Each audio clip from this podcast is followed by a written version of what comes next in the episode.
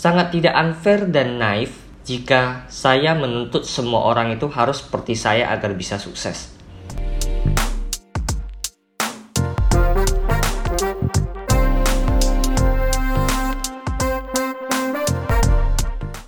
Halo guys, welcome back to Marketing Podcast dengan saya Aaron Belenda di sini. Di podcast kali ini, saya akan cerita sedikit nih tentang uh, kenapa sih saya bilang jangan dengerin apa kata Masta. Ya, kalau anda mengikuti saya sejak lama, anda pasti tahu saya sampai sekarang itu masih konsisten menulis, sharing dan produksi konten entah itu di podcast, Instagram, YouTube ataupun channel yang baru saya masukin ini TikTok ya. Banyak yang bertanya gini ke saya Ron lu nggak capek kerja mulu? Gimana sih caranya nyemangatin diri lu terus menerus nah teman-teman faktanya adalah saya jarang kerja oke okay? saya jarang kerja. Nah lebih tepatnya itu saya memilih untuk produktif daripada sibuk setiap hari. Saya ini males sebenarnya ya. Dan saya hanya akan melakukan hal-hal yang saya suka.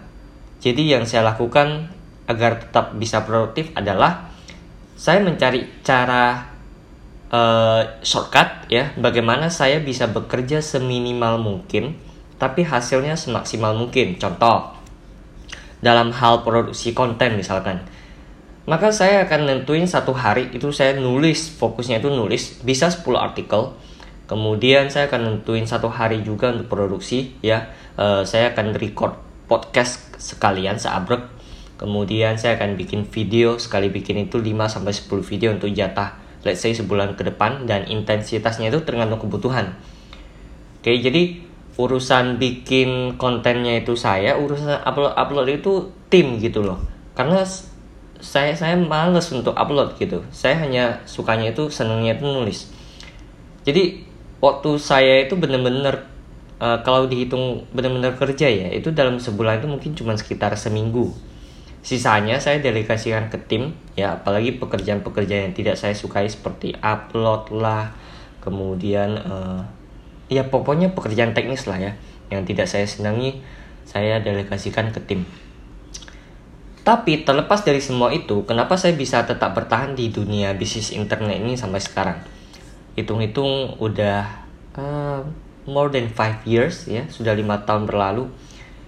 Karena saya menyukainya, ya nggak ada alasan lain serius hanya sesuatu yang anda sukai itu yang bisa bikin anda bangun pagi dengan semangat membara layaknya waktu kasmaran.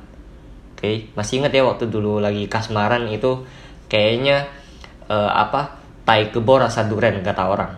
Nah saya sendiri suka nulis saya suka ngajar saya suka sharing apa yang sudah saya pelajari untuk membantu orang lain dan saya senang sekali ya kalau ternyata kehidupan mereka itu menjadi lebih baik setelahnya. Tapi catat, ya ini pesannya, ini tidak untuk semua orang. Oke, makanya saya bilang kenapa jangan dengerin apa kata Masta, ya. Sangat tidak unfair dan naif jika saya menuntut semua orang itu harus seperti saya agar bisa sukses. Oke, kenapa?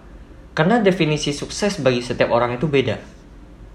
Oke, saya ulangin, karena definisi sukses bagi setiap orang itu beda. Sukses bagi saya adalah saya melakukan apa yang saya sukai. Dari situ bisa membantu orang dan mendapatkan income yang tanda kutip cukup ya untuk menghidupi lifestyle saya. Oke. Okay. Kalau dulu saya sempat berpikir gini, saya itu ingin mendapatkan income yang besar-besar dan selalu besar dan ternyata semakin ke sini saya apa ya?